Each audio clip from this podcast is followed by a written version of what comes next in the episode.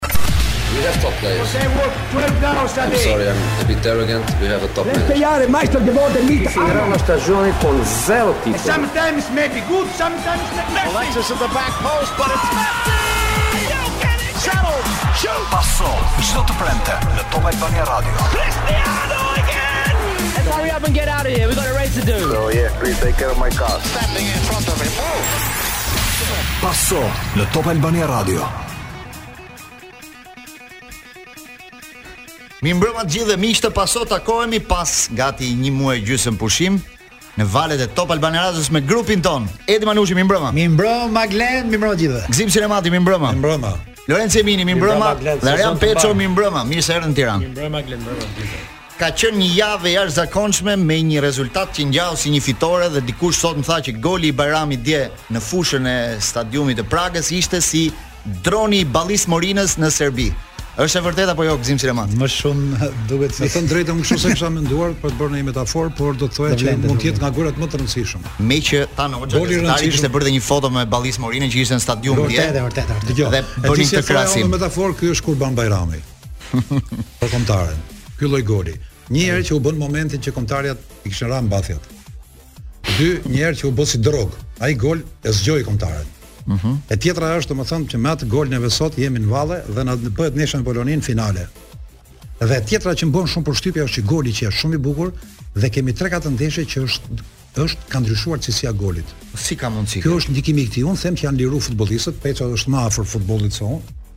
Janë liruar, është janë ndezur ato të cilësitë e individëve, sepse nuk të qëllon në 3-4 ndeshje që ti të shohësh gola që UEFA që ne më përpara merrte na lëshonte dronin për të përgjuar ndeshjet. I shesim s'i shesim, sot na përgjon cilësinë e golit dhe thotë prapë Bajrami gol të bukur. Një miku im i afërt, një miku im i afërt dhe juaj Ma ktheu totalisht logjikën e diskutimit ndryshe. Imagjino tha se çfarë do diskutonim sot në paso sikur të mos mhm. vinte ai gol. Se gjasa që ne mund të bënim ndonjë gjë ndryshe në atë ndeshje, deri në moment të golit nuk kishte. Që ne të bënim një aksion të rrjedhshëm dhe të bënim një gol si rezultat i lojës tonë nuk kishte.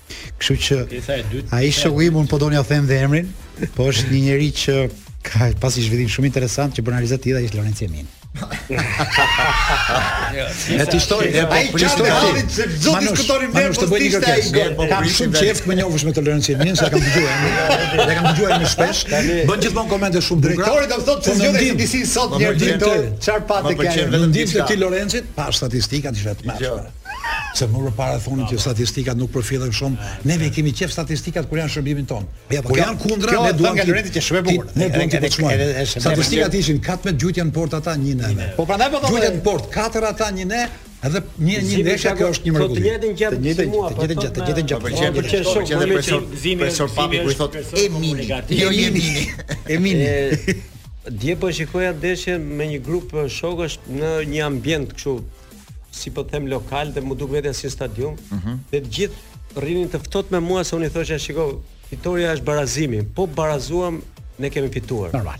Të gjithë ata që kisha aty thoshin ne do fitojmë, domethënë ne jemi shumë optimistë edhe kur s'duhet.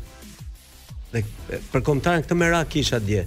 Vetë personalisht i thosha që se ekipi i Çekisë dukej që ishte ekip ekip e vërtetë solid.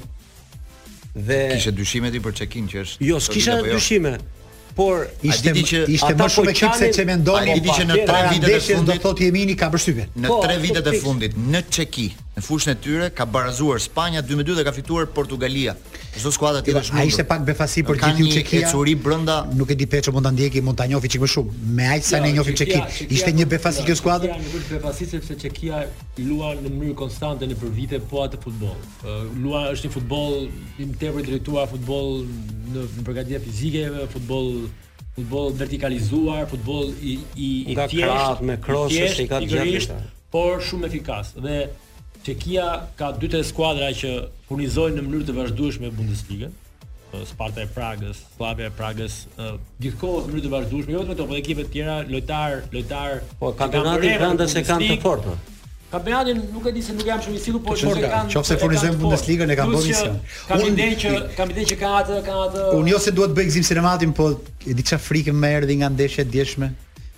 Më duket si çdo gjë totalisht e hapur dhe një një skuadër Çekia kam shumë frikë në Tiranë. Jo vetëm ajo, po po të shofësh klasifikimin e kemi diskutuar me Gledin dje. Ajo bëhet tetë, qoftë se shkon tetë Moldavia të dielën e tetë.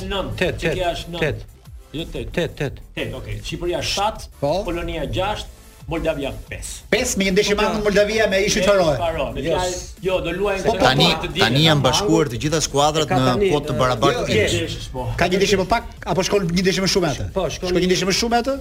Po, kam po, më duket se ka një ndeshje më pak Moldavia. Jo, jo, janë të gjithë tani jo, me katër ndeshje. Ah, okay. Tani janë plotësuar me katër. Atëherë një ndeshje më shumë shkon çfarë? Jo, është Faroe është Çekia. E po mund shkoj te fikse. Po, pra, Fati jonë është në katër ndeshjet e mbetura në tre kemi brenda fushë. Pra, situata jonë është Me tre ndeshje brenda dhe një jashtë është Ke dy ndeshje kemi një favor. Jo, e di kemi një favor. E di pse më tremb që thua fati, sepse un kam frikë më shumë nga ndeshjet brenda. Po pse ke frikë nga ndeshjet brenda? Se ne gjithmonë kur kemi kur kemi pas nevojë për një gjë të mirë brenda s'e kemi marr dot. Para dy vjetësh apo para dy vjetësh më mirë kemi marr diku jashtë një gjë të çuditshme sesa brenda kur e kemi prit.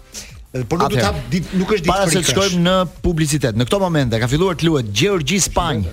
Kvaratskhelia që rivalizon Spanjën rezultati në minutën e 14 0 me 0, por sot ka nisur dhe edicioni eliminator i kombëtares U21 dhe po luan në Armeni po fiton 2 me 0 në pjesën e parë. Tani jemi gjatë minutave të pjesës së dytë Sapo ka nisur pjesa e dytë do t'ju njohim live edhe me kombëtaren Shpresat e Shqipërisë. Fitojmë ne. Që ka nisur një edicion në Armeni. Mos ka gola, gola Blendi, ke gola këtu. Jemi jemi në të njëjtin grup me Finlandën, Zvicrën, Armeninë, Malin e Zi dhe Rumaninë.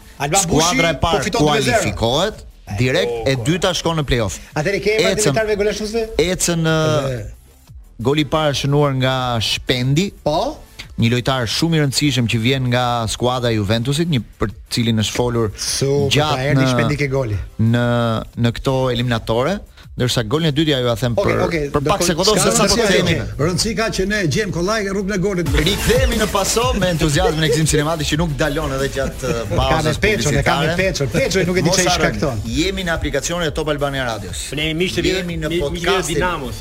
e Top Albania Radios. Jemi live në Melody TV nga ora 18 deri në orën 20, kështu që keni mundësi të ndryshme për të ndjekur Pasqyrën në valët e Top Medias, nëse mund ta quajmë kështu.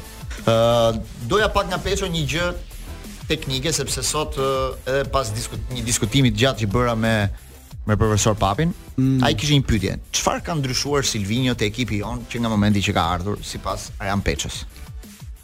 Tani Silvinho un si un mendoj që Silvinho ka ndryshuar shumë gjëra që kur ka ardhur. Pra shiko për pak kohë. Për pak kohë, për pak kohë, pak kohë se tre ndeshje ka. Gjëja e parë që ka bër në prezantimin e vet që mua më ka pëlqyer jashtë mase ka qenë fjala e tij që ka thënë që un do jetoj në Tiranë. Që nuk e ka bër asnjë trajner i huaj. De Biazi ka jetuar në Tiranë. Po, por nuk e ka thënë si nuk e ka thënë si Silvinho që ditën e parë që unë do jetoj në Tiranë. Ai me siguri kush e ka jetuar në Tiranë. Mirë, dakor. Nuk është hera e parë që një trajner jeton këtu. Nuk e di jo, si qoftë Silvinho sa sa jeton në Tiranë, Silvinho nuk e di. Unë po them Silvinho jeton në një mënyrë ndryshe nga të tjerët sepse shkon në zyrë në orën 8, pra. mbaron në orën 5, domethënë ka ato gjatë kohës që është në Tiranë. Gjeti, unë them jo vetëm ta thuash dhe të mos e bësh, por ta thuash dhe ta zbatosh gjë tjetër. Dhe Silvinho është nga ata të paktët që po e zbaton atë në mënyrë rigoroze, ndoshta Edhe më si si një person që vjen nga Zvicra ose nga Gjermania që rri 8 orë në zyrë dhe që kam dëgjuar që trajnerët e tij i ka vënë në punë në zyrë, që nuk pra, nuk është e bëhet fjalë për edukatë pune ndryshe. Edukatë pune, e dyta. E dyta për mendimin tim. Ka studiuar shumë mirë paraardhësin e vet ose paraardhësit e vet 2-3 le të, mos themi shkojmë deri ke Kuzhe, ndjesë pastë, apo deri të tjerë. Ëh, këta mendoj që i ka i ka studiuar. I ka studiuar në mënyrë perfekte dhe ta garantoj që E ka kuptuar që ajo që ka bërë sidomos Edi Reja ka qenë tërësisht e gabuar me atë sistem që nuk i përshtateshin aspak lojtarëve shqiptarë. Çfarë ka bërë tjetër, për mendimin tim, ka valorizuar në një kohë shumë të shkurtër lojtarë që u bënë tepër të rëndësishëm, si Bajrami para-fare, si Asllani, që luajnë vazhdimisht. Kjo do ishte Broja, mos harrojmë që mungon Broja dhe për këta trajner Për këta lojtarë më fal, trajneri i mëparshëm Edi Reja thoshte që nuk non sono ancora pronti, nuk janë gati. Qartë, okay. Ndërkohë që Broja na ka dhënë 6 pikë me Hungarinë vetëm, nuk e kemi ditur, nuk e ditur sepse.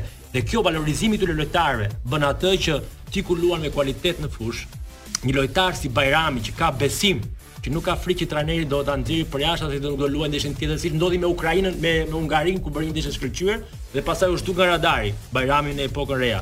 Bajrami dje ishte ai që na zgjidhi ndeshjen, një ndeshje në pjesë të dytë me ngjyrë gri. Jo vetëm golin. Jo vetëm golin. Qartë. Një një një ndeshje me ngjyrë gri na zgjidhi sot jemi në këtë situatë. Jo, se të gjithë thonë Bajrami, Bajrami, po mua më pëlqeu dhe ai pjesën e parë Asani. Ishte po, nga lojtarët më inteligjentë në fushë. Unë thashë, unë thashë për një aspekt për për për Bajrami, por Asani Mitaj po ashtu lojtar grupi janë si të qoftë. Nuk është është kontar grupi i grupi i të rinj që ka sjellë Silvinho dhe u ka sjellë një frymë të re për të luajtur me futboll. Me që Peço është ishte një njerëz shumë i ata ata shkuan Çeki dje jo për të bërë barikada nga formacioni që dukej si para se mund të eci loja. Eci eci shumë pika se ishte interesante. Tjetër çfarë ka ndryshuar sipas logjikës tënde prej anës profesionale. Anës profesionale. Studimit të paraardhësve. Paraardhëse. Mënyra e lojës, mënyra e lojës, Pra çfarë loje bën? Mospatja frikë, mospatja frikë ndaj kundërshtarit. Çfarë loje bën Silvinho? Do të thotë nëse është edhe unik. Silvinho bën një lojë e, e, e ndan kuadratin e fushës shumë mirë, me një 4-2-3-1 ose 4-3-3, ku çdo pozicion është i vendosur shumë mirë në fushë, me lojtarë që janë në vendin e tyre. Qartë. Është shumë e rëndësishme dhe me lojtarë me cilësi të jashtëzakonshme si Asllani, si Bajrami, që ndoshta Për shembull, Asllani nuk ka shumë luajtje ke Interi, por ke Shqipëria është lojtar lojtar i rëndësishëm, lojtar që të luan me topin, që të zgjidh situata në momente të në momente të Në fushë Serie A jemi, Ramadani, Bajrami, Asllani jemi pikërisht. Nivel i lartë kur ka një gjë që ka shtesë. Tetë lojtarë më tetë. Edhe një gjë që ka shtesë. Po marr një gjë mos e thoni më këtë që kemi lojtarë Serie A dhe kemi jo, kësaj. Jo, këtë nuk jam dakord se ti di pikërisht, jam dakord. Mos e thoni më se kjo është gafa më e madhe që bëjmë. Pse? Mos shikoni ku luajnë. Shikoni mbrojtjen, ku na luajnë dhe çfarë si vazhdojnë gafat. Sa e pasigurt është.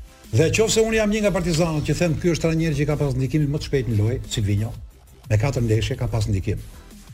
Pothuajse do më thonë që pam një kombëtare tjetër, ishte dhe koeficienti i lirë, luajte me dy ekipe pa rezistencë, me Moldavinë dhe me Ishujt Faroe. Këtu do ishte prandaj thamë në emision tek procesi që këtu është prova e vërtetë se kjo ishte prova. A e ruan dot fytyrën stilistike të ekipit dhe, me Çekinë? Dhe, dhe ruaj. Kurse ti vajte mbrapa Çekisë. Ti nuk ruajte natyral. Ti de denatyrizove kombëtaren jo, të rrallë. Pa atë, pikëve. Nuk besoj. Unë jo, them që po. Jo, jo, jo, Unë them që po. Dhe nga lëvizjet në lojë që kishte bërë. Dhe nga lëvizjet në lojë. Mund ta bësh vetë 30 sekonda. Unë kuptova dot që vetëm se ai thotë për valorizimin e lojtarëve. Po devalorizimi ka të bëjë ti e merr Uzunin dhe nuk e fut sepse mendon që ai sulmuesi tjetër Merr dhe detyra mbrojtëse. Po i ka dhënë shanset Uzunit. Një sekondë. Je i kënaqur me Uzunin në ekipin kombëtar? Unë? Po. Unë jam i kënaqur me Uzunin. Në ekipin kombëtar me Uzunin. Unë mbas Brojës e filloj me Uzunin. Po lëre Uzunin e Granadës, shif Uzunin në kombëtare. Jo, e di se është puna. Neve përpara se të vinte Silvinho, thoshim që Uzuni ka vendin atje. Bën s'bën gol, ai shërben prish ekuilibrat e mbrojtjes kundërshtare. Nëse nuk ka sulmues, po pse juve jeni të kënaqur gjithmonë me Cikalleshin? Edhe ai ka shumë kopa për bërë. A e futëm këtë radhë sepse mbrojtës shtatlartë çek. Po, do të Sa duele fituan ajo me çekët? Luajtën e tjera. Luajtën e tjera. Shumë pak. Asani, kishte marr notën më të lartë mas ndeshjes. Po. Asani na e nxori. E pse e vuri fytyrën Asani, ishte lloj pakënaqësie, por ne nuk flasim për pakënaqësi të kombëtares. Ne duam ta paraqesim se është kombëtarja më e lumtur në botë kjo e jona. Flasim për për për, për polakët që kanë këtë hall, kanë këtë hall dhe vetëm ne s'paskemi halle. Po, po, ne ndryshojmë formacionin javë për javë. Halle janë ato. Ne dje ishim përballë një rivali shumë serioz, nga më të fortët që kemi parë në kohën e Silvinhos patjetër. Ajo që bëri përshtypje mua pavarësisht ishin gabimet në mbrojtje nga të cilat ne s'po heqim dorë dhe ai konfuzioni. Po unë dje vura re diçka ke kombëtarja? Neve mund të manipulojmë lojën, Ne mund të mbajmë topin 10 minuta, nuk e bëjmë s'e kemi bërë kurrë. Dhe mund na vijë nga mbrapa kundërshtari, ne në një moment të vështirë imponojmë me këtë lloj gjëje. Hera e fundit që kemi bërë ka qenë në kohën e De Biazit. Dje unë vura re këtë gjë dhe më dha një lloj entuziazmi, prit, se ne kemi kodosha në kuptimin e mirë fare së lojës, që na japin Bajramat, Ramadanët dhe Asllanët që nuk i kishim përpara. Kështu që kjo është një plus shumë i madh se si do ta menaxhojmë ne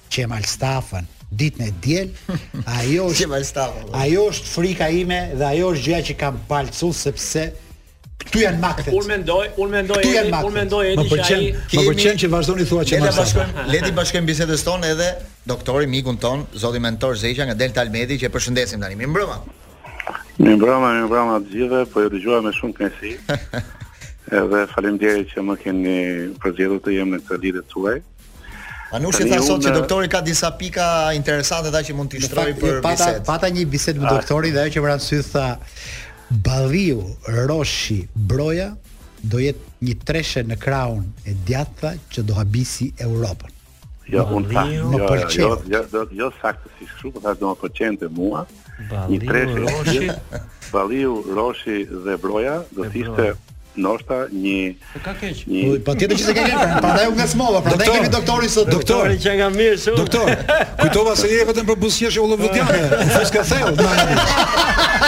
Jo të them që të jap një të drejtë madhe. Nuk e kuptova pse e thirrën Roshin. Roshi është nga ata lojtar që po u thirr çojm fush. Kur kombëtarja ka qenë mediokre, ka qenë i vetmi lojtar që bënte gjëra të mira dhe tërhiqte ekipin zvarr. Ka qenë Broja përpara Brojës. Ishte po, Broja ajo. Dhe kur thua ti kështu, doktor, më vjen shumë mirë që e ke fiksuar Roshin sepse është një figurë shumë interesante që ne i kemi kthyr shpinën në këto momente. Absolutisht. Ja ta po, gjejmë opinionin e doktorit. Shiko, nuk mund t'i kthej, domthonë unë besoj që kombëtarja Grumbullimin duhet ta nisi nga Odise Roshi. Ai do të jetë i pari që do të fillojë të grumbullohet.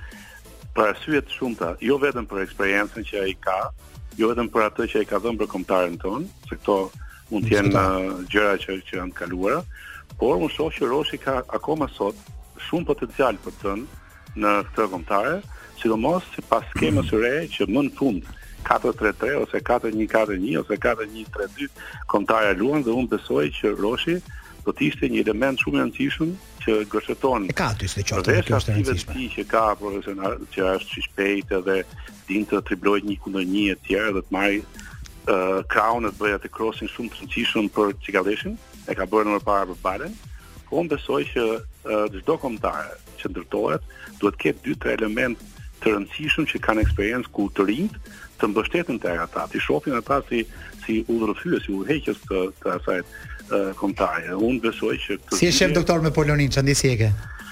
Shiko, uh, t'i bashkohem bisedës, ja ne po flasim sot se ndoshta dhe nxitohemi duke uh, ne jemi shqiptarë dhe shqiptarët e bëjnë gotën gjysmë plot dhe gjysmë bosh. shumë shpejt. Po. Ë uh, ne jemi po ata që për një vit nuk shifshim fare dritë tek kjo kombëtare. Po shënuam vetëm një gol dhe kemi bërë ca ndeshje aq mediokre, sa që po humbnim fillin, po humbnim boshtin edhe atë pasqyrë e gjërave të mira që kishim parë 10 vjet e fundit. Tashmë kemi një trajner shumë të mirë, të cilit duhet t'i besojmë. duhet t'i lëmë shumë kohë, domethënë shumë kohë nuk flas për 10 vjet, duhet t'i lëmë shumë kohë në dispozicion për të krijuar edhe ai ato boshtet e veta që ka një bosht e kemi të gatshëm, ëh, Berisha, dy qendërmbrojtësit, uh, Gjimshiti dhe, dhe Ismajli, dhe pjesa tjetër mund të, mund të quhet një lloj boshti, se ne deri dje ishim pa bosht fare. Uh, do të jenë ca ndryshime të rëndësishme të cilat do të ndërmerren atje në këtë, në këtë formacion, duhet të bëhet, por Pritshmëria për Poloninë nuk duhet të jetë kaq e lartë sepse polakët nuk do ta nënvlerësojnë këtë radhë.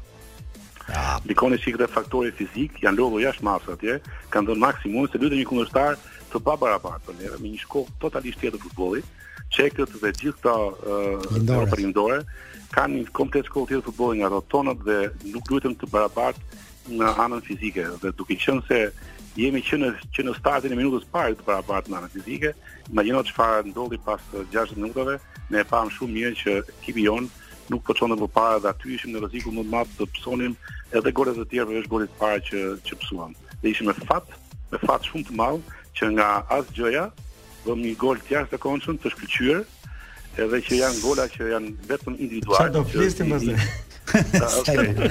Po më vjen keq. E po doktor paska paska drejt Gëzimi ju fuske mua vetëve ti e atë keqe nuk e, e kena pas, e kena pas proces e dim. Po na pëlqeu analiza, na pëlqeu. Nga procesi sportiv unë aty kam shiko, po të vish atje disa herë, mhm. mos marrësh vesh nga futbolli fare dhe bëhesh çfarë i thotë. Sa i ke ato ato figura atje përballë që merr ti aty edhe edhe ne mjekët bëhemi bëhemi specialistë. Doktor, të falenderojmë për këtë lidhje dhe na solle zërin e tifozit doktor, intelektual. Doktor, e di. Unë ah, unë uroj. doktori. Ja thuaj, thuaj. Doktor, e di si ishte pjesa e dytë na, para se të po. bëhej goli. Si një pacient që shkon ke dentisti dhe i thot hap gojën dhe i thot mi gjithë dhëmbët. A, të përqafojmë, doktor, përqafojmë. Falenderoj shumë dhe ishalla të dielën të paktën me një rezultat pozitiv, jo të humbim, të paktën barazim ose fitore pse jo. Shumë mirë do ishte. Falenderoj doktorin Mentor Zeqen e Dental Medit. Ndërkohë, Spanja po fiton 2 me 0, kur është minuta e 30 e pjesës së parë me golat e Moratës, ai që Manushi ka shumë inat sepse është aty po është aty gjithmonë. Dhe një autogol i një lojtari gjeorgjian që quhet Dkvir Gvelia 2 me 0 për Spanjën.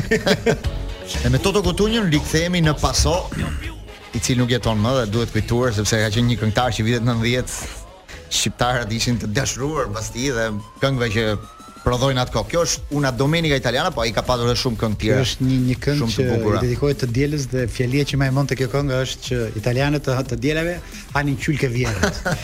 Man thotë Mangia a sbafo dalla suocera. Dhe unë këtu duhet të falenderoj edhe DJ-in tonë zyrtar Kloin që e kemi tek këtë edicion që është e mrekullueshme në formë të jashtëzakonshme. E kemi si Mbappé, do ikte po mezi e mbajtëm. Djer nga pluri, jo Toto Kutunjo, po çdo këngëtar që ne e dashurojmë. Si Mbappé e kemi, do ikte po e mbajtëm me zor. Ajo do ikte po Pasoja e ka blerë dhe për këtë vit kontrata sapo mbyll. Kështu që jemi në rrugë të mbarë. Futemi pak edhe tek diskutimi për ndeshjen me me Poloninë, sepse këto dy ditë do jenë shumë të rëndësishme. Kombëtarja ka udhëtuar mbrëmë direkt mbas ndeshjes për të ardhur në Tiranë. Sot është stërvitur në kompleksin e Federatës, ka bërë atë seancën stërvitore të ditës, janë duke rikuperuar disa lojtarë të cilët kanë ardhur me mbingarkesë lodhje sepse ndeshje sakrifice ishte për 90 minuta. Të dielën pasaj në orën 20:45 është ndeshja me Poloninë, që është ndeshje shumë e rëndësishme në këtë situatë ku është vendosur grupi. Duhet të them që kem diçka që është shumë e rëndësishme. Po. Lorenzo Emini ka në xhep 5 bileta. 5 bileta, të cilat nuk kanë pronar dhe autor. Të gjithë ju që na ndiqni, miq Lorenci, dijeni këtë informacion, di pse po e them se më tha, kam pesë bileta ata. Po i shet më shtrenjtë. Jo, jo, jo. Ke filluar sot nga ata, po nuk i shpërndan. Do të filluar. Do i mbaj deri ditën e fundit. Do i mbaj deri në ditën e fundit. Kështu më ka thënë. Deri në momentin e fundit. Deri në momentin e fundit. Kështu që ai disponon ta dini këtë. Çfarë po thoje Glen drejtori në fakt? Jo, po thoja në lidhje me me Poloninë.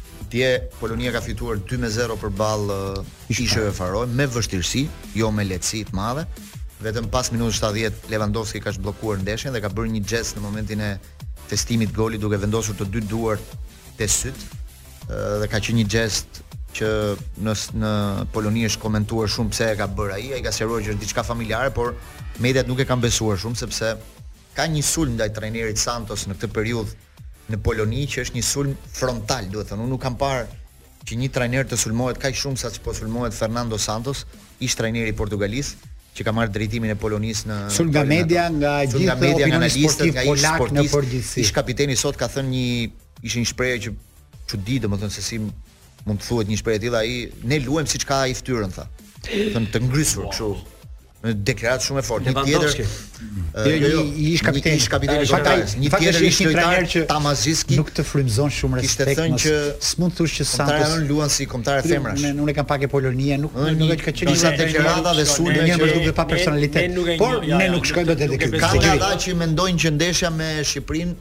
Në qoftë se ai nuk fiton këtu ose në qoftë se nuk bën rezultat, ata vetëm fitorja mund t'i mund t'i bëjë ballë. Mund edhe ta shkarkojnë nga detyra. Unë nuk besoj që nuk ka personalitet. Patjetër. Unë nuk besoj se nëse nuk fiton. Unë mendoj që një barazim e lë situatën pozitive për Poloninë. Mos mendoni që barazimi nuk i leverdis Polonisë në Qemal Stafa. Unë nuk besoj. Duke pas parasysh që ndeshjen e kthimit e ka atje. S'ka ka mbaruar me ne. S'ka mbaruar. Ata jo, s'po them me ne, ndeshjet e radhës të në grup. Ata do presin kanë Çekinë brenda. Çekinë ja. E presin Çekinë. Janë mundur ndeshjen e parë me Çekinë. Apo ka bërë. Ani e presin, presin Çekinë, presin Moldavinë, kanë një ndeshje jashtë me Ishujt Faroe. Pra, Kjo me Shqipërinë është më e rëndësishme. Është ndeshje e rëndësishme. Unë mendoj që ai nuk ka personalitet, sepse një trajner si Fernando Santos që ka bërë atë karrierë, nuk mund të gjykohet vetëm nga nga nga fytyra që ai shpreh. Është pak është pak Ai mendoj që ka vështirësi në një ekip si Polonia e para fare duhet të jetë vështirësia linguistike e të kuptuarit për më tepër që Polonia ka pasur një problem shumë të madh mbas botërorit me federatën. Ë që këtë e dinë pak njerëz që kanë pas probleme me ndarjen e premiove në botërorin e Katarit. Kanë pasur shumë probleme dhe kjo ka qenë shkaku kryesor që ata e filluan këtë kampanjë. Lojtarët vetë, lojtarët me federatën. Premiot që do të bënin nga federata aty po, ka po, padrejtira dhe po, ka gjëra. Ka një gjë që aty nuk ka shkuar, ata janë shumë të pakënaqur dhe Këtë e kanë marrë me vete. Ka klane brenda se u aludua. Me siguri që ka klane, nuk është e lehtë të të të të kesh në gjestion lojtar si Lewandowski. Po ai është lider i padiskutueshëm aty apo si Milik. Është Lewandowski një lider që është ai që bën grup opinion dhe çdo gjë. Lindorët në stil uh, Cristiano Ronaldo. Lindorët kur vijnë në ekipet kombëtare e shohin në njëfarë mënyre edhe pak si pushim uh, për të takuar familjarët dhe njerëzit e tyre dhe ndoshta për të bërë ndonjë shok të brendshme. Mund të jetë ky një problem i brendshëm që Ata nuk po se mund të jetë që nuk e zgjidhin dot dhe që nuk arrijnë të koncentrohen te ke ke ke më e rëndësishmja që është të luash futboll për ekipin kombëtar. Problemet që kanë sjellë me problemet që kanë sjellë nga Katari, problemet ndoshta me trajnerin Santos që ndoshta nuk nuk e di çfarë problemesh mund të ketë, sjellin këtë që ata po çon shikon formacionin e Polonisë, thua hey, luan Milik, Lewandowski, Zielinski, Kaminski,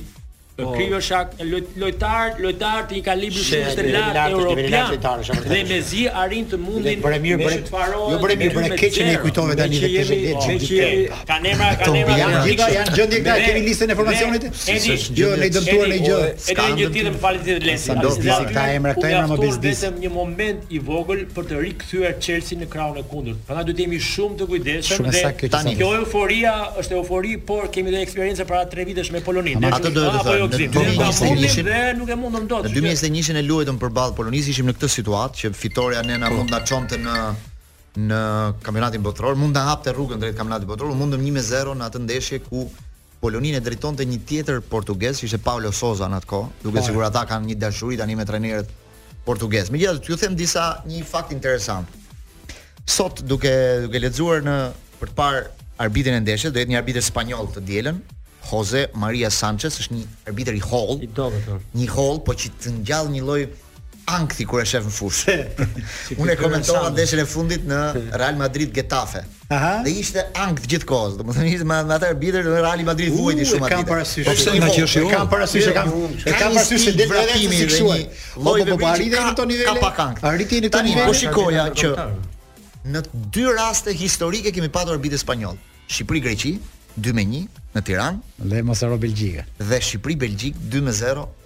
ka qenë një arbitër spanjoll. Edi Manushit i ka ngelë Belgjika në mendje e përmend gjithë kohën. Hera e jo, e tretë po që Shqipëria kemi arbitër spanjoll. Që Shqipëria ka një arbitër spanjoll në ndeshje delikate dhe historike. Me arbitrat spanjollë kena pas sukses në kohën e Enver Hoxhës dhe në kohën e sotme.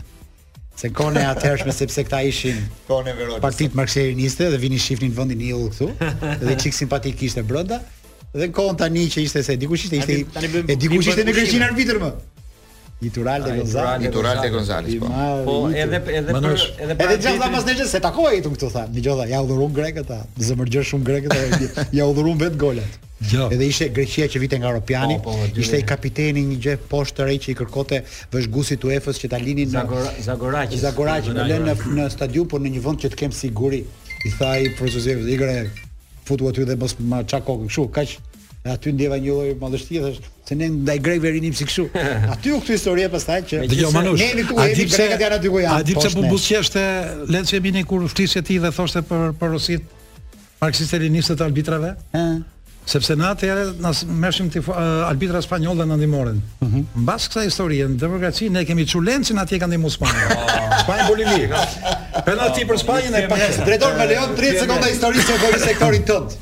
Keko. Por në fakt, me arbitrat spanjollë në atë kohë ka vuajtur shumë Rusia. Sepse para se arbitrat të shkonin të arbitronin Bashkimin Sovjetik, merrnin porosi direkt nga Franco. Kini kujdes me ata komunistët poshtë. Edhe i është nxirë jeta. Mos i harroni këto. Ne na ka sjellë fat, kështu që. Jo, ne kemi erdhur ndryshe se ne kishim dashuri. Ata çështje diskutimit arbitrit se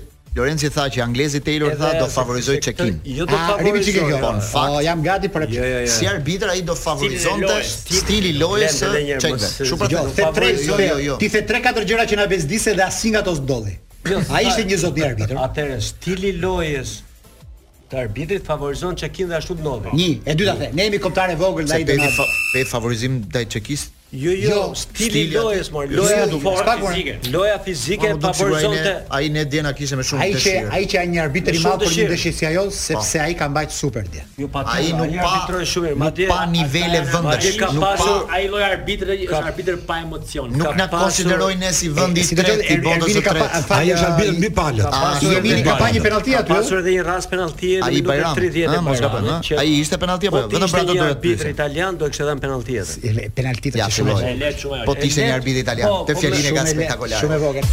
Rikthehemi në Pasion në këtë pjesë të parë dhe është momenti për të bërë rubrikën tonë 3 minuta histori dhe meqë jemi tek ndeshja me Poloninë, ne do kujtojmë një ngjarje që ka ndodhur në vitin 85 kur Shqipëria luajti me Poloninë dhe vizita e famshme e Zibi Boniek në Tiranë. Shqipëria kishte ndeshje shumë delikate, ishte si në këtë periudhë. Pra Polonia luante gjithçka për atë ndeshje. Por në atë kohë UEFA vendosi që ndeshja Shqipëri-Poloni të luhej në të njëjtën ditë që luhej finalja e Champions Ligës. Ëh. Mm -hmm. Në finalen e Champions Ligës në stadiumin Excel në Belgjik luante Liverpooli me Juventusin. E, e dita e tragjedisë, e tragjedi, e tragjedisë. Dita tragjedi. Në të njëjtën ditë do luhenin të dy ndeshjet. Dhe për këtë arsye Federata Polake i kërkon ndihmë FIFA UEFA-s që të spostojnë ndeshjen. Që mos luhej në një ditë sepse ndryshe Boniek nuk do vinte. Po. Ishte ndeshje delikate dhe ata vendosën ta shtynin vetëm me 24 orë. Po çfarë bën Shqipëria? Se Shqipëria nuk e donte Boniek në Tiranë. Mm. E vendos ndeshjen në orën 2. Se thot, gjithsesi thot ai do vijë i lodhur, ndoshta edhe s'e kap avionin, se s'ishte si sot që ka aviona çdo 10 minuta. Po të nesërmen si punët tona. Po, po në dy vendosin ndeshjen në orën 2. Edhe për arsye ndriçimi, data ishte 30 maj, jo, data ishte 30 maj, dita është e gjatë në maj, mos po, harro. Mund ta vendosim 4-5, ishte vërtet. Ishte ditë e gjatë në maj, ora 2 e drekës. Çfarë ndodh tani? Se ndeshja përgatitet më përpara. Federata polake i kërkon ndihmë Juventusit, i thotë, shiko thotë sepse ai mund të rrezikojë, vjen s'vjen, i thotë ne duam siguri që ai do vijë në Tiranë një ditë pas ndeshjes. Po. Dhe Juventusi merr zotim, i thotë ne do ta sjellim lojtarin për të luajtur final ndeshjen e rëndësishme të grupit. Do përdorim gjithë. Ishte ndeshja e parafundit. Nëse Shqipëria fitonte, ne kishim mundur dhe Belgjikën, kishim shumë shanse të shkonim në botëror, në 86. Ndeshja e fundit ishte me Greqinë, mos gaboj. Në datën 1 maj, konsullata jonë në Romë merr një telefonatë nga Juventusi. Një sekretare e Juventusit i thot zotrisë që ishte në ambasadën tonë, i thot që presidenti i Juventusit, Boniperti, do të flasë me ju. Tha bukosen, tani se Ata Juventusi merr telefonatën dhe i thot kush je, jam presidenti i Juventusit Boniperti thot duam një leje thot që një charter italian me dy zyrtarë të Juventusit dhe zotin Boniek të zbresë të marrë lejen vizën të zbresë në aeroportin e Rinasit në datën 30 maj. Ai thot unë duhet të pyes në Tiranë thot sepse Këtu thotë ka 20 ditë që ka vdekur Enver Hoxha, nuk lejohen gjithë avionët të të vinin në Tiranë atkohë. Ishte ishte situatë shumë e ndërlikuar. Se i kujtove më Enver Hoxha Hoxhën tani. Ishte jo, vdekur në 11 prill. Tani ka rënë çfarë përgjigje ka thënë se do të ishte ikur se ne kemi jemi në zi. Ai ka çuar telefonin. Merr telefonat në merr telefonat në ju aty. Merr telefonat në Ministrinë e Jashtme në Shqipëri dhe i qëllon një tifoz i Tiranës, Ministri i Jashtëm thotë jo, thotë Bonjeku s'ke për t'i dhënë leje kurrë thotë. S'ka shanse, nuk vjen në Shqipëri thotë. Ne s'do. Ai i kthen dhe i kthen përgjigje Juventusit i thotë jo, thotë Nuk ka shanse, nuk lejohet, thot nuk lejohen chartera të ulen në Shqipëri, thot vetëm një charter ulet, ai është i programuar. E qartë. Kështu është vendi. Juventusi lëviz prapë sepse kishte marrë zotim që do ta po. sillnin Boniek. Gurët. Futet në lojë Suzana Anjeli, motra e Xhani Anjelit, që ishte zëvendës ministre e Brendshme në atë ah, kohë. Këturi tani. Hmm. Dhe ajo merr të njëjtin zotëri në konsullatën e Romës dhe i thotë, "Shiko thotë se ne do sjellim Boniek, kemi marrë një detyrim, ne na duhet leja." I thot ai, i thot, ne s'pranojmë thot ne pyetëm. Këtu ka rregull. Dëgjo thot.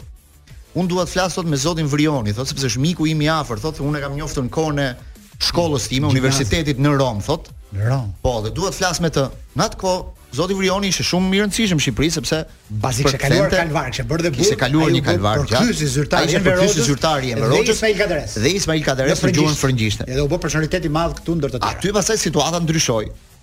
Ky zotri i thot shqip palës shqiptare që kshu kshu thot është situata e tillë, bëhen ca ndërhyrje, Juventusi sjell një shkresë zyrtare në Ministrinë e Jashtme dhe Shqipëria nuk kishte si të bënte ndryshe do pranonte. Diplomacia do lejë. Pranon merr lejen çarteri për të ulur dy zyrtarë të Juventusit, Juventusi. Po çfarë ndodh tani? Skuadra polake vjen dy ditë para ndeshjes, sepse edhe shpresat në atë kohë udhëtonin me ekipin kombëtar, luajnë ndeshjen këtu përpara vjen grupi i madh. Dhe ndeshjen e Champions Ligës, finalen, ata e shohin bashkë me delegacionin shqiptar në hotel 15 katëshi. Atë natë, në darkën zyrtare që bëhet një ditë para ndeshjes dhe po. shohin të gjithë situatën çan ndodh atje dhe vihet në panik sepse atje ndodhën rrëmuja, ndeshja zgjati, të gjithë më gjatë, të gjithë e dimë çan. Kishin frikë që do vinte Bonieku apo jo. Dhe çan ndodh tani, i kërkojnë Juventusit që Boniek të mos udhëtonte drejt Italisë me skuadrën, po të vinte direkt nga Belgjika në Shqipëri. Dhe ai niset me charterin e Juventusit, charterin e Xhani Anjelit, personali. Personal vjen për në Tiranë direkt mbas ndeshjes, rreth orës 2 është nisur nga andej, vjen në Shqipëri, po ishte ora 5 e mëngjesit. Kur mbërrin në Tiranë. Nuk kishte hapur Rinasi. I thonë ik kthehu, nuk e dum avionin. Ikën në Bari. Avioni Boniek shkon në Bari. Kjo është histori. Ulet atje dhe ai ka treguar kur ka qenë këtu në në një vizitë para pak kohësh që ai nuk e dinte që kishin vdekur tifozë të Juventusit në atë tragjedi. Do në lojtarët nuk e kishin marrë vesh lajmin. E dinin që kishte patur rrëmuja po jo që kishin vdekur njerëz. Dhe kur ka shkuar në Bari, ka hapur gazetat e ditës atë ditë, kur duke pritur orarin që të vinte në Rinas, ai ka lexuar që kishin vdekur tifozë. Çfarë nga Tirana në Bari dhe priti mëngjesin për t'ardhur këtu? Nuk u ul në Rinas, se nuk i dhan leje. Gjithë natën pa gjumë po iku. Pa gjumë, iku atje, iku në po, Bari, priti atje. Pa gjumë dhe bëri një gol. Atje hapi gazetën, pa çka kishte ndodhur, tha a ty vinte më për të luajtur futboll, po ç'a të bëja tani do. E tregon më mbrapa. Do vinte, e tregoi këtu kur ishte në Tiranë, që situata ishte ndërlikuar. Priti sa u u hap Rinasi, u formuan të gjitha ka qenë rreth orës 11, 11 e gjysmë në Tiranë dhe një furgon special e ka sjellë në Tiranë, ka luajtur 90 minuta ndeshje dhe ka bërë golin që Polonia fitoi 1-0 përballë Shqipërisë në atë përballje dhe Shqipëria nuk pati më shansin dot të konkuronte për kualifikimin. Polonia shkoi në botëror me golin e Boniek me një pikë më shumë se sa Belgjika. Më lejo të them që këto kanë qenë 3 minuta të histori më të bukura të Pasos. Kështu që po, qe një ndërthurje shumë e bukur histori. Bravo, Glen. Super, shumë e bukur. Jemi rikthyer përsëri në Paso në këtë pjesë të dytë jemi në to momente direkt në aplikacionin e Top Albania Radios, direkt në Melody TV, po ashtu mund të na ndiqni edhe në podcastin e radios tonë. Dhe bashkë me ne,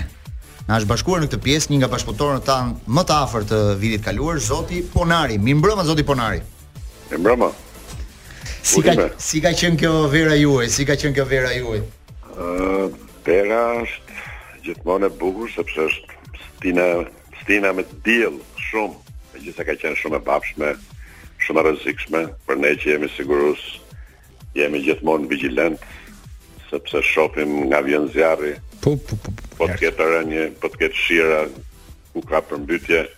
Pra ne jemi gjithmonë paksa vëzhgues natyrës dhe e kemi me vëmendje. Ju e keni kaluar më shumë afër detit apo afër malit? Eh, kjo është kjo është kjo është pyetje për ty. Një si zoti Ponari me një origjinë nga bjeshkët, e bukur atë. Apo ndahet në barazim. Është një lloj sikur t'i thosh një japonezi t'i thosh që hajde të të tregojmë sa det të bukur që kemi ne.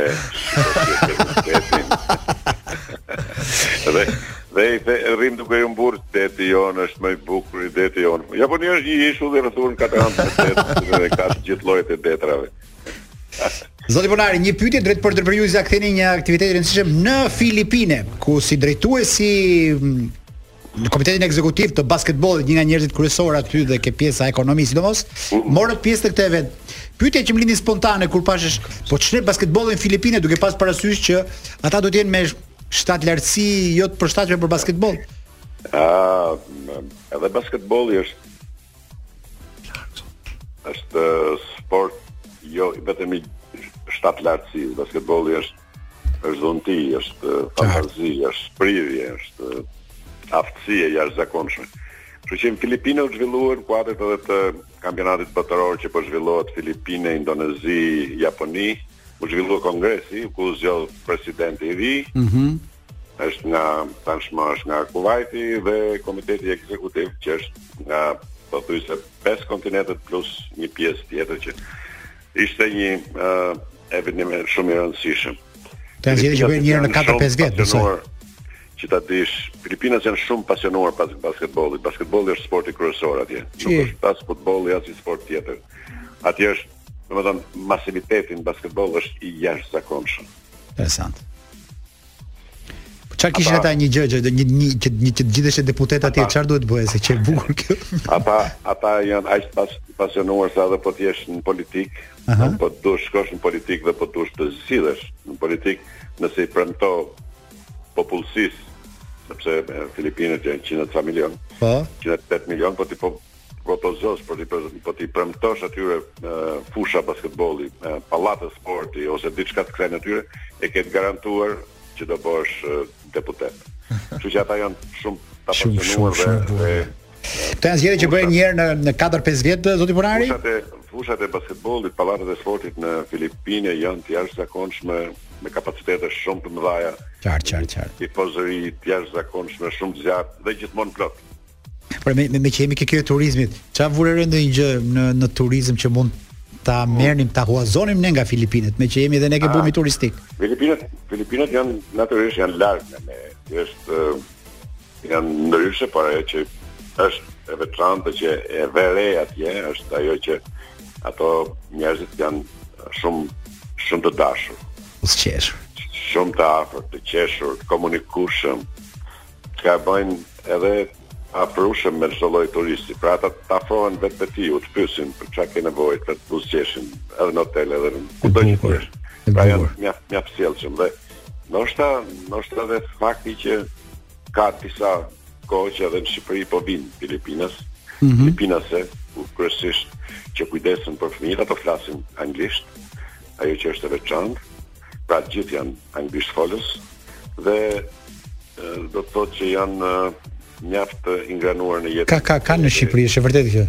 Anglosaksone tani ato që kanë ardhur këtu manifestojnë kulturë, manifestojnë një sjellje. Në vërtetë Filipinet kuptohet që kanë diferenca të mëdha, domethënë nivele shumë të larta zhvillimi. Rri pak zoti Ponari edhe ke këshilla që lidhet gjithmonë me aty ku jeni ekspert në çështjet e sigurimit, se shumë më zor im ke kjo zjarr shi se këtu nuk ka më gjë të ndërmjetme po ndodh gjëma, jo në Greqi, në Turqi ça s'po dëgjojmë.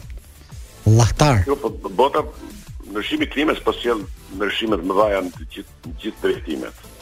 Ne jemi një vend malor Fushor detar, bregdetar. Ne mm -hmm. kemi gjithë llojet e klimave. Pra jemi të ekspozuar edhe ndaj ujit, jemi të ekspozuar edhe ndaj zjarreve, jemi të ekspozuar edhe ndaj stuhive e erave. Por jo në përmasat që ndodhet, jemi me fat që ndodhemi në Mesdhe, jemi me fat që ndodhemi në këtë pjesë të Ballkanit që është ndoshta më më e sigurt edhe më e garantuar. Pak më e mbrojtur ashtu. Por por e vërteta është që uh, sigurimi nga zjarri, nga uji dhe nga faktorë të tjerë natyrorë është i domosdoshëm. Një shtëpi e siguruar është kushton shumë pak në vit dhe vetëm 50000 lekë të vjetra në vit dhe në rast se digjet atëherë përfiton gjithë kompensimin e vlerës së shtëpisë. Vërtet. Në qoftë se përmbytet në zona ku bie shi që ka patur këtë vit dhe do të ketë gjatë kësaj vjeshte, atëherë njerëzit përfitojnë shuma më të mëdha. Kështu që ajo që do të thoja është që njerëzit duhet të jenë afër me tregun e sigurimeve që të jenë vërtet të jenë garantuar dhe të jenë të sigurt vërtet të ndërtojnë ne ndërtojmë ekonomi tregu. Qytetarët duhet të drejtohen ekonomisë, ekonomisë tregu duhet të drejtohen tregut të sigurimeve. Tregu i sigurimeve është kontraktori i parë, ai që krijon atë atë personalitetin e secilit dhe e ruan atë në Okej. Okay. Zoti Ponari ne jemi të kënaqur Të urojmë një sezon të mbarë bashkë me ne. Kështu që çfarë duhet të kemi parasysh këtë sezon? Na thuaj një se edhe 30 sekonda kohë kemi. Çfarë duhet të kemi parasysh këtë sezon? Të gjatë që sapo ka nisur dhe përfundon fund korrikut. Ky sezon mendoj që duhet të jetë i mirë ashtu siç ishte vitin e kaluar, po të ketë gjëra të reja. Njerëzit besoj që duan të dinë gjëra çfarë është e re gjatë një jave dhe A je a jeni ju të zotët së bashku me ne të tjerët që jemi afër jush që t'u japim një mesazh të vogël por me një gjë që është e re. Dhe ata që na ndjekin në radio në makina ta kuptojnë që sa e domosdoshme është kjo apo ajo gjë e cila ka dalë diku pasi bota sot është aq e vogël sa është aq e madhe. Për pak sekonda merr vesh se çfarë po. Qartë, qartë. Zoti Ponari, përqafime, faleminderit fundjavë të mbarë dhe edicion të shëndetshëm në Top Albania Radio në Paso, kështu që të urojmë rrugtim njësoj si ne. Rikthehemi në Paso në këtë pjesë të dytë, është momenti për të falënderuar Jute Credit një nga bashkëpunëtorët tanë. Unë nuk jam i vetmi që dua të bëj blerje, por pa përdorur paratë e mia aktuale. Si unë ka dhe plot të tjerë. Jute Credit ne na mundëson të marrim kredi deri në 500.000 lekë. Me to mund të shijojmë çdo produkt dhe shërbim pa prekur financat tona. Shkarko dhe ti aplikacionin My Jute dhe merr paratë që të nevojiten sa hap e mbyll sytë. Falënderojmë Jute Credit, partneri i Pasos dhe Procesit Sportiv në këtë edicion. Po diskutonim pak me Gëzimin për këto sportet ka jetë përtej futbollit. Më fal, dhe... më fal, se m'u kujtu diçka nga po. ajo biseda e zotit Ponari. Mm -hmm. Kujtohet si u tha për Filipinët? që janë të buzëqeshur. Po. Në fakt, botërori u bë në Filipine, në Indonezi, në Japoni. E tha zoti Ponari. Të treja mm -hmm. janë të buzëqeshur. Është vërtet. Miqtë e mi kanë qenë Bali një javë 10 ditë. Buzëqeshja ishte tha e brendshme, ishte shpirtërore dhe brezi i ri kishte frikë se buzëqeshja e të rinjve ishte një çik fallco, nuk vinte nga thellësia brenda. Sepse me vërtet që duhet ta presim turistin, po duhet të jetë diçka e brendshme tha. Ne dhe ne duam të përcjellim këtë mesazh ata ishin ata në në në çështje që kanë Holland balla vetëm ai që është turist që shërbejnë ka pas 3-4 herë që i del para s'është punë ta Holandit po gjithë shqiptarët kur takojnë Tulin janë qeshur kur takojnë Varçin janë mërzitur jemi si të jemi si të ngrysur me të vërtetë s'është është e gabuar kjo jo është ashtu është e vërtetë unë shifsha në plazh një herë kalonin njerëz shumë shifnin vëngër kalon të huaj apo të hello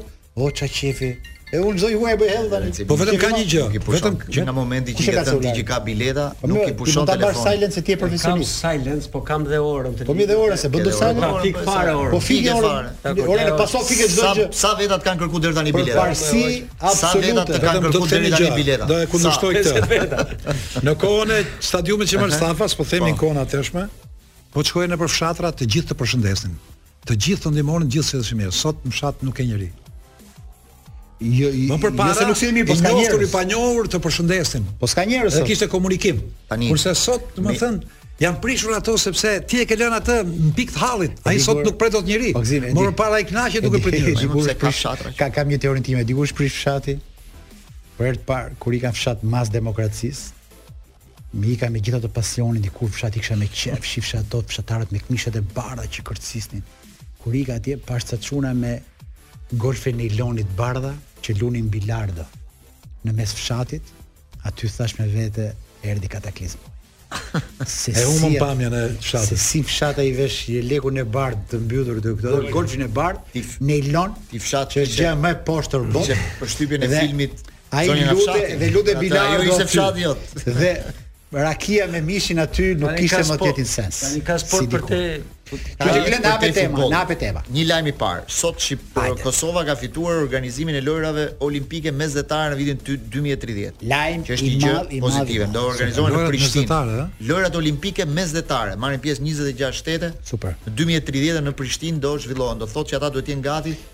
në të gjitha sportet me infrastrukturë. Me Shqipëri, Shqipëri Armeni një me dy sa vazhdon. Kjo është një Kjo është një gjë fantastike, ëh. Armeni Shqipëri 1 me 2 mbaroi ndeshja.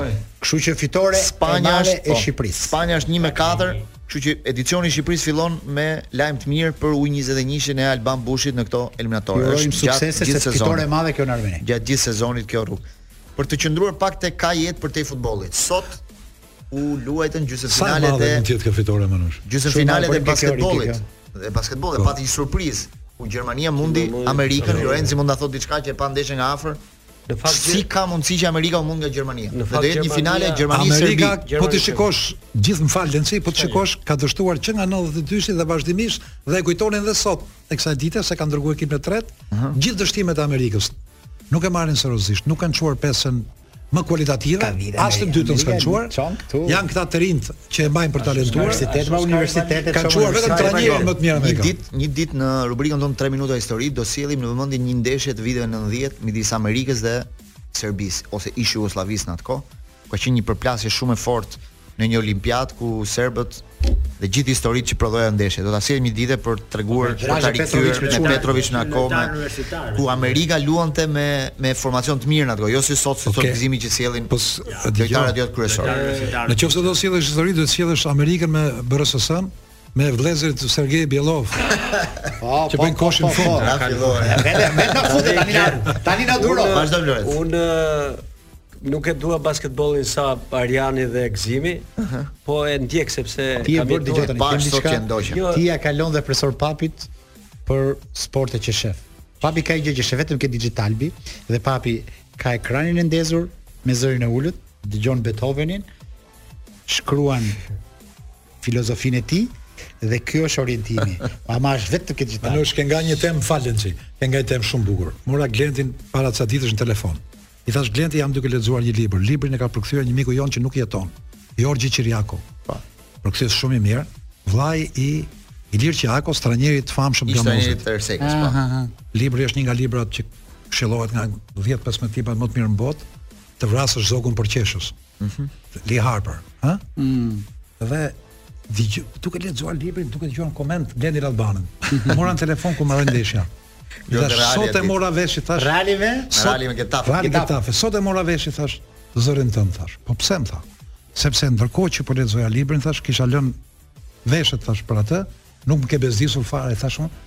Biles thash unë ka qenë një ka qenë një kombinacion shumë i bukur midis romanit dhe zë komentit tënd. Sepse ndryshe ka ca koleg ky, ka ca koleg ky që sa flasim kështu për komentatorin Glendi Nallbani, që na çoi ke Kaler, i ka jo, jo, nuk ja jap, ka mundi trim rat. Nuk ja jap, nuk ja jap më shumë se ç'i takon. Kemi të dorim modest gjithmonë. Është vërtet që modest dorim. Ne jemi me fat që kemi këtu. Puna është që ne jemi në pikë tallit me komentin, më pranojmë bëri përshtypje se ishte shumë i njëtrajshëm bërtit kur kur duhet të rrasësh. Ja, vetëm Milan është duhet të, vetëm kur tani me gjë me gjë me gjë na futet kjo, kjo ti tani mos u mbulo me turp Glend, po sa komento Glendi, familja ime është e gjitha para ekranit dhe nusja dhe vajza ime nuk është se ndjekin shumë sportin, si mua dhe çuni, po kënaqen me komentin e Glendit. Që Glend ke bërë për vete edhe një pjesë familjeve që s'ka lidhje me sportin.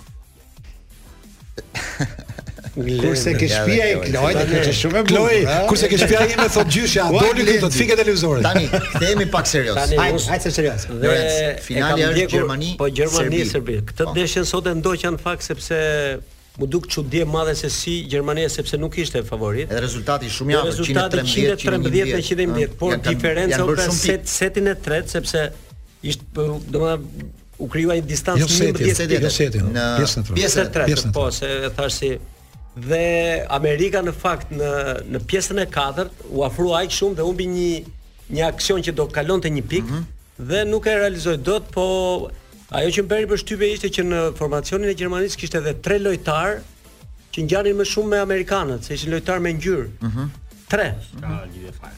Po me po, po me Gjermania, po me Gjermaninë të janë po të natyra. Po luajti topi lekë sa me Schröder. Se s'dua ka ka ka shumë që janë të lindur. Është Schröder në NBA. Po, po, po, që luan me Lakers. Jo, një një surprizë e madhe nuk është. E di pse?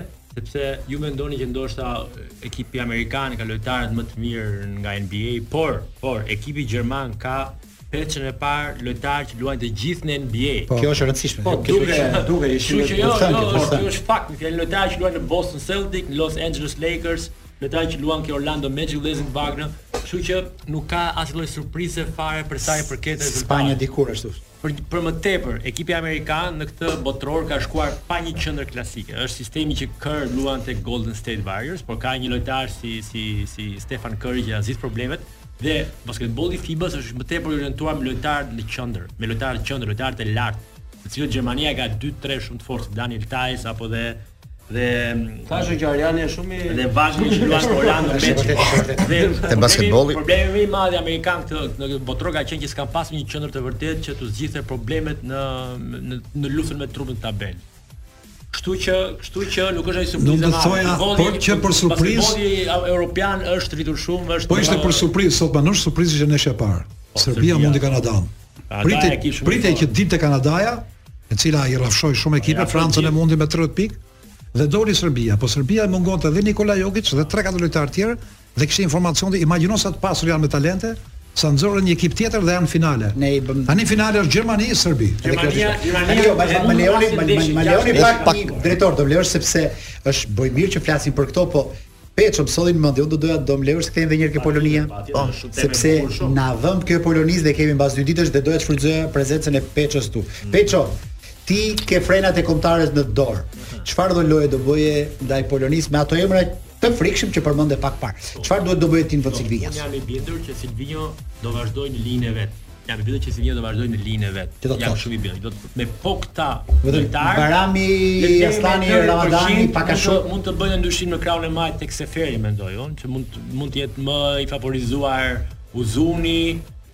Nuk e di, që luan kundra Polonis mund të jetë dhe lojtari që luan tek Legia e Varshavës. Muçi. Muçi. Tani më fal, të bëj një ndërhyrje vetëm se është për Peçun. Ta mbaroj Peçun gjithë logjikën. Ta mbaroj që Silvino do do do do i qëndroj filozofisë vet besnik. Mendoj, nëse nuk do e bëj, pastaj do themi që wow, Mendoj që nuk do kemi më kalkulime siç kemi bërë më përpara se vetëm të presim deri në minutën e shtatëdhjetë pastaj të shohim çfarë mund të bëhet. Do jemi çik në sulm më në fillim do të kërkojmë. Do besoj do jemi që nga fillimi në sulm, por do të kemi një gjë parasysh që e cekëm pak përpara që kemi harxhuar shumë energji me Çekinë. Polonia ka pasur ndeshje relativisht të lehtë me nga ana agonistike le të themi. E kuptoj, e kuptoj, e kuptoj. Fizike tamam është. Se ajo ka luajtur domethënë, po nga ana agonistike kanë kanë pasur ndeshje më të lehtë.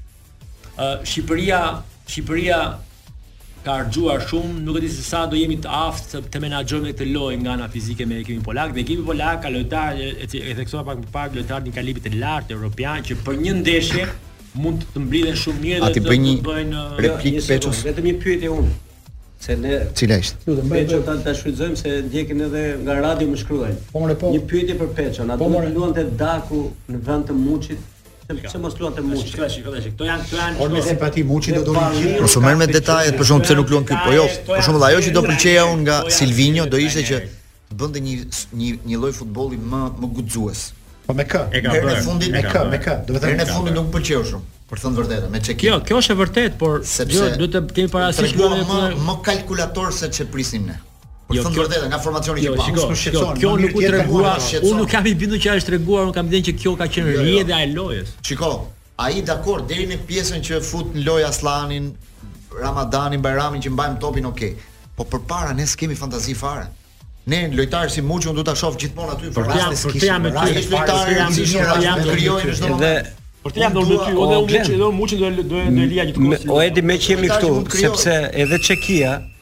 në rast se ne luanim me 7 apo 8 lojtarë të Serie A që luajnë gjithë, Çekia luante me 7 lojtarë të, të kampionatit çek. Po dhe Bundesligës. Po tre lojtarë të Bundesligës. Edhe dy të West Hamit, dy të West Hamit. Po dy të West Hamit, po, po me 7 lojtarë të kampionatit vendas.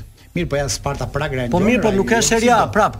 Ne jemi Dgjoj, se ora është çfarë është se ka sot kështu. Është ekipi sot. Ose ka sot kështu se dy ekipet e forta të Çekis luajnë Champions League. Po po po po, edhe lojtarët tanë. Kanë emrin atje, po kur luajnë kombëtare nuk e merr vesh kush është Serie A nga lojtarët. E vazhdojmë pak diskutimin për Poloninë dhe Shqipërinë.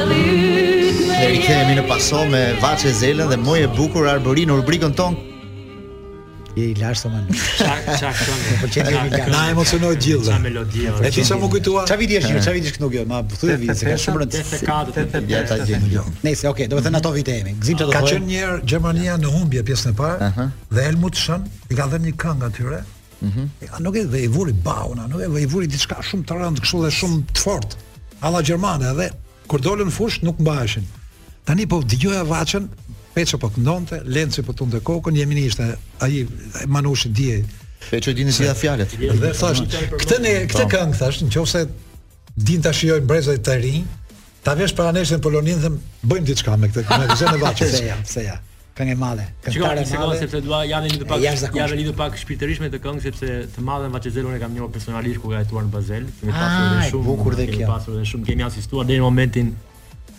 ka ndruar jetë uh, mm. me fjalë me emocione të jashtëzakonshme dhe është një këngë një këngë që vërtet ajo ka qenë reziston kohës, një këngë aktuale e kënduar nga një diva e muzikës shqiptare. Është më më bën shumë të emocionuar. Di ça m'ka ka gjë kur kur lexoja në ca artikuj dikur. Në, më fal në 89-ën është kënduar. 89-ës. Për futbollin që bëte dikur Iniesta thoshin dëgjoj gjërat e thjeshta janë më të vështira. Dhe kjo duket si e thjesht, si gjë me një kitarë njeri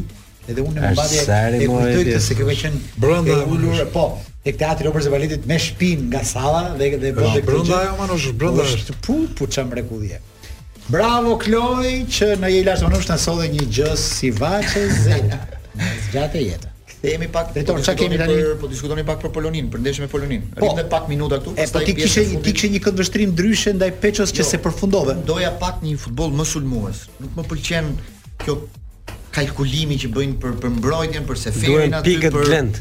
Duhen pikët.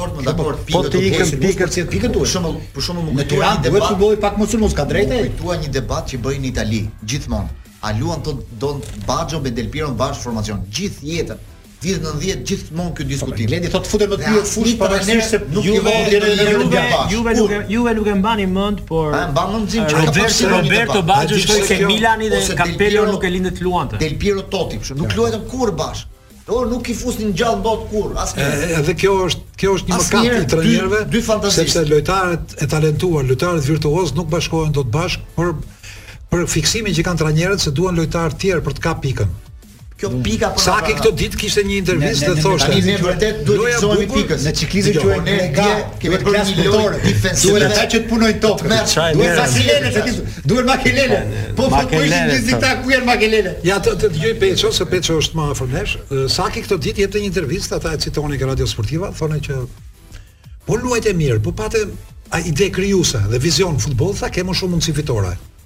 Patjetër. Ka më shumë mundësi.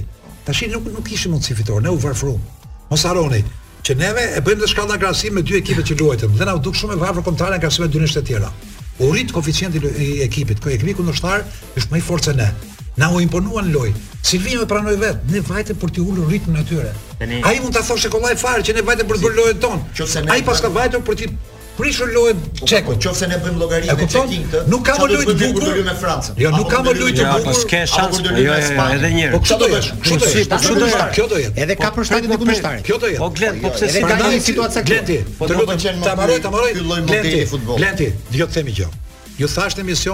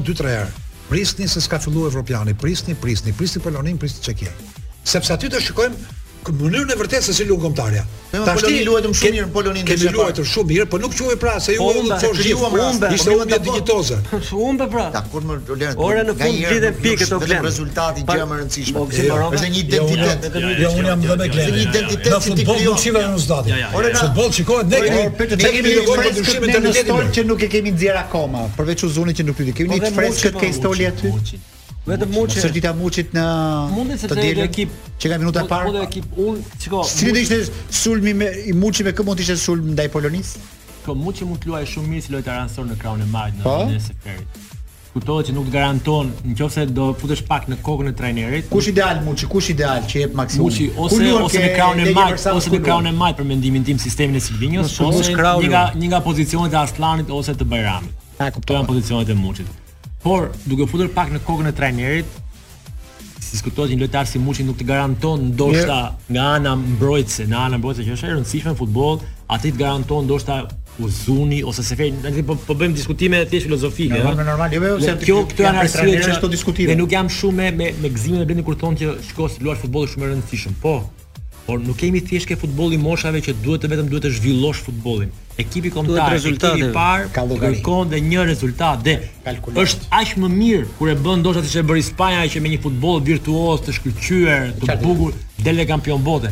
Po kjo nuk mund ta bëj çdo ekip, sepse duhet një cilësi e jashtëzakonshme. Atë jo, di ku jam Peço, Peço di ku jam. Jam ke tre ndeshjet e para. Bashkë me humbjen në Poloni, kombëtarja tregoi rigjallërim po, po. lojës. U bën fare. Bashkë me dy fitoret e tjera kishte lojë të mirë. Edhe e lem dobësinë e kundërshtarit. E kuptoj, e kuptoj. Në tre ndeshje, kurse kjo nuk krijoi lidhje. Ne donim po, që kjo ndeshje të krijonte lidhje, vazhdimësi ka. Kjo të krijonte lidhje, kjo ndeshje. Prap nuk ishte ndeshje dobët. Ishte inferiore shumë. Ishte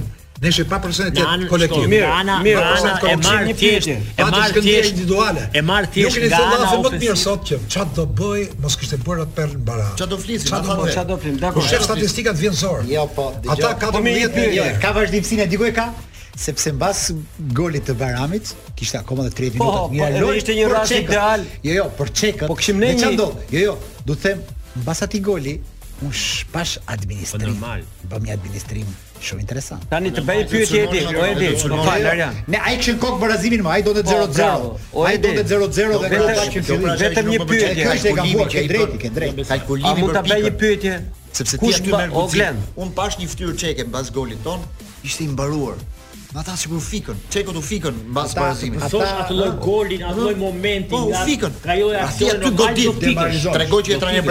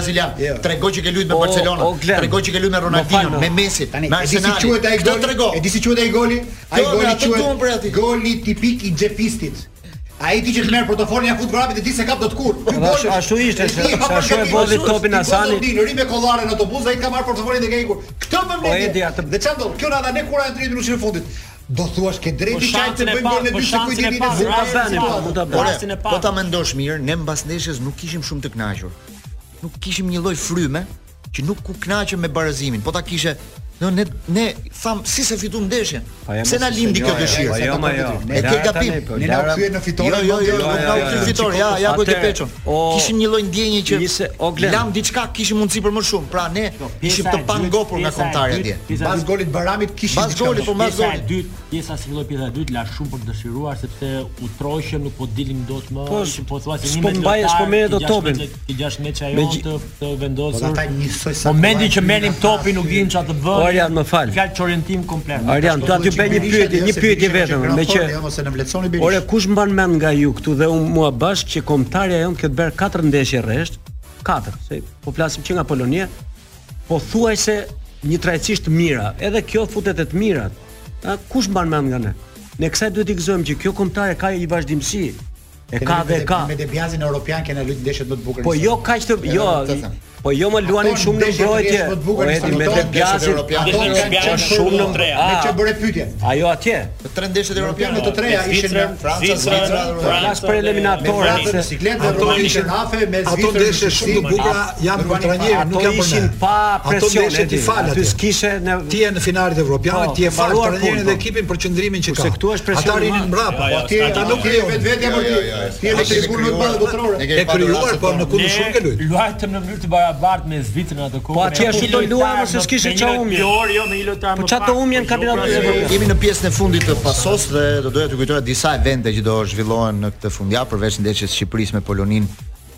që do luhet në Air Albania ditën e diel, do kemi duele interesante edhe në pjesën tjetër të Europës, për shembull nesër do luajë Maqedonia e Veriut me Italinë, një ndeshje e rëndësishme sepse në stol është Luciano Spalletti në drejtimin e e italianëve në ndeshjen e parë pas këtij largimi pak të befasishëm të të Mancinit për mënyrën se si iku dhe si u largua. Ka dhe çikë revansh kjo ndeshje. Po dhe 30 milion euro në sezon i ke marrë ti. I befasishëm nuk ishte se fjalën fjalën fjalën më të papërshtatshme ke thënë.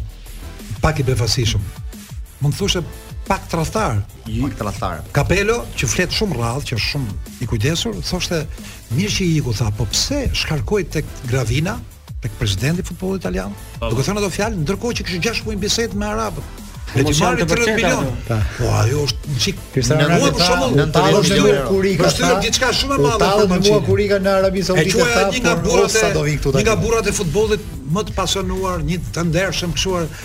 Kur thyhet kështu thua që Edhe njerëzit e mirë në futboll u blikan kollaj. Çoi një email tha, nesër nuk vim në punë. Mos janë të vërtetë ato me gabim. Po thotë çikë revanshi se Maqedonia e skualifikoi Italinë nga Europa. Maqedonia e Veriut po, e mundi në play-offin e botrorit. Shkuar, që la Italinë me gjë. Mundi në në Palermo biles brenda brenda fushës ajo e la Italinë jashtë dhe nesër do të luajë në stadiumin ku ka qenë dhe Gëzimi, stadiumin e Shkupit, Toshe Proeski.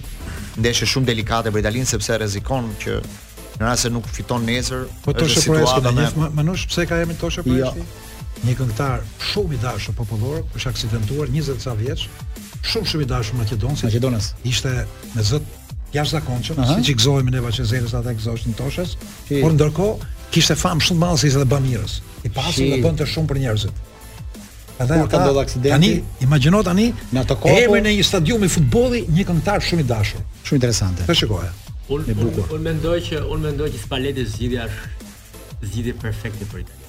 Për në këtë në këtë moment, uh, sidomos për sa i përket rrethanave. Por dhe për atë, dhe për atë se çfarë ka treguar në karrierën e vet gjithë kohës Spalletti. Po, një trajner që tani që ka bërë një karrierë të jashtëzakonshme, Një trajner shumë koherent, i ka qëndr i qëndron linjës së vet tepër serioz, ka futbollin e vet shumë ofensiv me pressing. E di çfarë Dhe problemi. Italia, Të shtoj diçka. dhe Italia Peço, t'i them unë problemet e Peço, Italisë. të shtoj diçka. Jo, një sekond. Zë, zë, më shpëton kjo. Peço, domethënë, është duke thënë diçka shumë interesante, po doja t'i thoja vetëm një fakt. Cili trajner në botë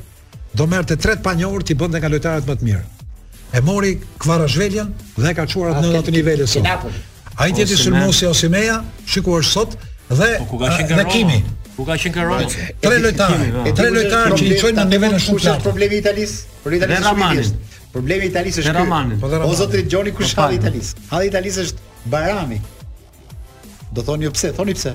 Pse? Sepse.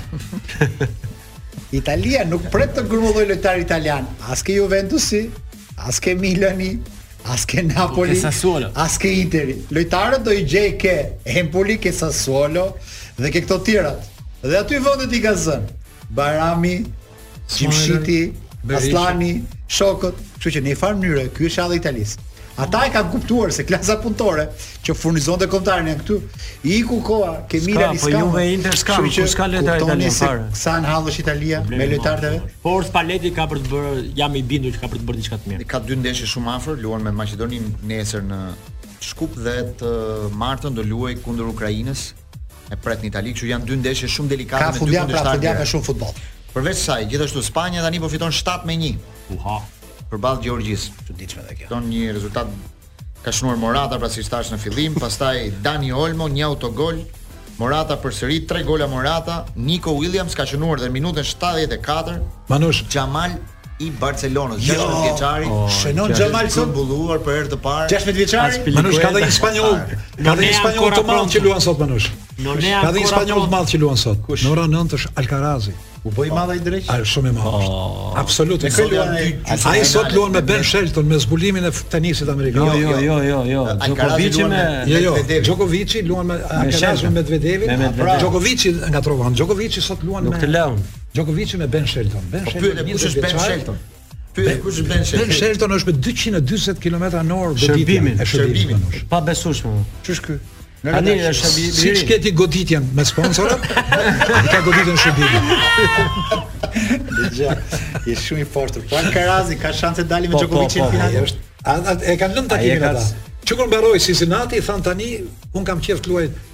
Do e leja tenisin tha po duke qenë një si ti i tha unë do të dal prap finale dhe t'ia Madje madje ndeshjet i ka fituar shumë lehtëshëm, tre me zero, tre me një. Ky më ky do ia kalojë atij për stil e për. Dyminutëshin e fundit them t'ia kushtojmë pak Peços sepse nesër luhet Kosovë Zvicër. Aah sa pak i le drejtor sa pak i le. Për par Shaqiri Xhaka mos gaboj do jenë. Çfarë do të thotë të luash kundër Prishtinë, do shkojnë në Prishtinë, luajnë kundër Kosovës. Për këtë Uran Bislimi e thonë që Nuk e din si do t'i presin tifozët. Kush është tjetër për ty Bislimi? Uran Bislimi është është lojtar që unë e kam parë te Bazeli të gjata, shumë e kam parë që nga U katra deri U njëzet e një që e kam Tjetër kush janë tjetër shqiptarë? Kush janë lojtarë e Zvicrës? Dhe informacion s'e besoj dhe informacion. Por Xhaka Shaqiri besoj. Por pati një polemikë të madhe për atë sepse para disa kohësh tek ke, ke Kosova, Kosova donte ta merrte, ishte ai ke turneu miqësor që bëri Alen Zhires në mos gaboj. Ëh. Uh -huh. uh, u grumbullua, bëri një gol shumë të bukur. Kosova do ta merrte ndërkohë i erdhi ftesa nga Zvicra, pati dhe një polemikë të madhe në shtypin në shtypin e Kosovës. Po ai zgjodhi Zvicrën në punë problemi i tij. Por një, një ndeshje shumë emocionale, imagjinoni tash i Puç ka ka në ta, ta ka ka marrë ata. Po kanë luajtur edhe me ne. Shtin, po me ne, okay, aty është gjyshi aty, aty është vendlindja e tyre e vërtetë. Aty këtë historinë e vendlindjes diku e kuptova. Po do ma lejë drejtori ta them një herë tjetër. Ke ke Sergio Ramos,